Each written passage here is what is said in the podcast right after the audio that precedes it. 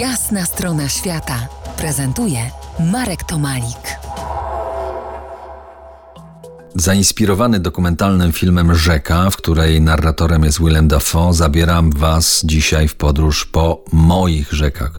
One oczywiście nie tylko są moje, ale i Wasze. Moje w tym sensie, że sobie je bardziej lub mniej oswoiłem, a teraz przypominam. Urodziłem się nad rzeką Kozówką, a przez kilka pierwszych lat życia mieszkałem nad rzeką, która do dziś nie zasłużyła na swoją nazwę, a jest dopływem tej poprzedniej. Obie rzeki to raczej strumienie górskie, który swój początek mają na zboczach Chrobaczej Łąki, jednego ze szczytów Beskidu Małego.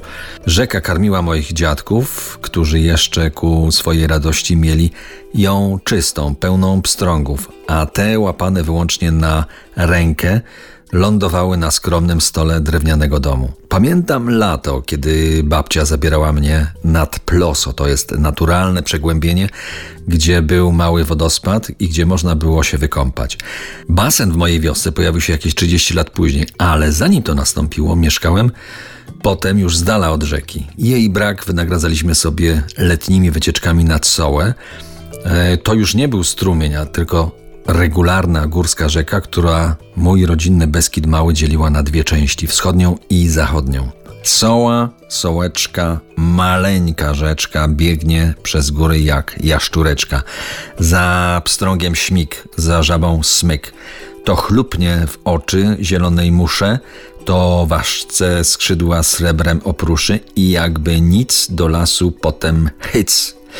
Tak ją sportretował wiele lat temu krakowski poeta i malarz Marian Niżyński w wierszyku Soła, który śmiem pamiętać jeszcze z elementarza. Przełom rzeki Soły to miejsce moich pieszych i rowerowych wędrówek z dzieciństwa.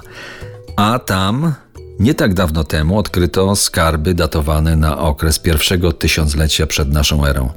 To pozostałości po tak zwanej kulturze łużyckiej, przedmioty z metalu, w tym ozdoby mające 2600 lat. Mówiliśmy o tym szerzej po jasnej stronie świata w zeszłym roku. Zaproszeni archeolodzy z Bielska Białej potwierdzili, że wzdłuż Soły mógł iść ważny szlak handlowy prowadzący do obszarów dorzecza Górnego Dunaju i Górnego Renu. Taka niepozorna rzeka Soła, która kilka dekad wstecz została przez człowieka ujarzmiona. Z tego ujarzmienia, zwanego częściej regulacją, powstała elektrownia wodna i szczytowo-pompowa, a nade wszystko jezioro Międzybrodzkie z poszerzenia koryta rzeki Soły.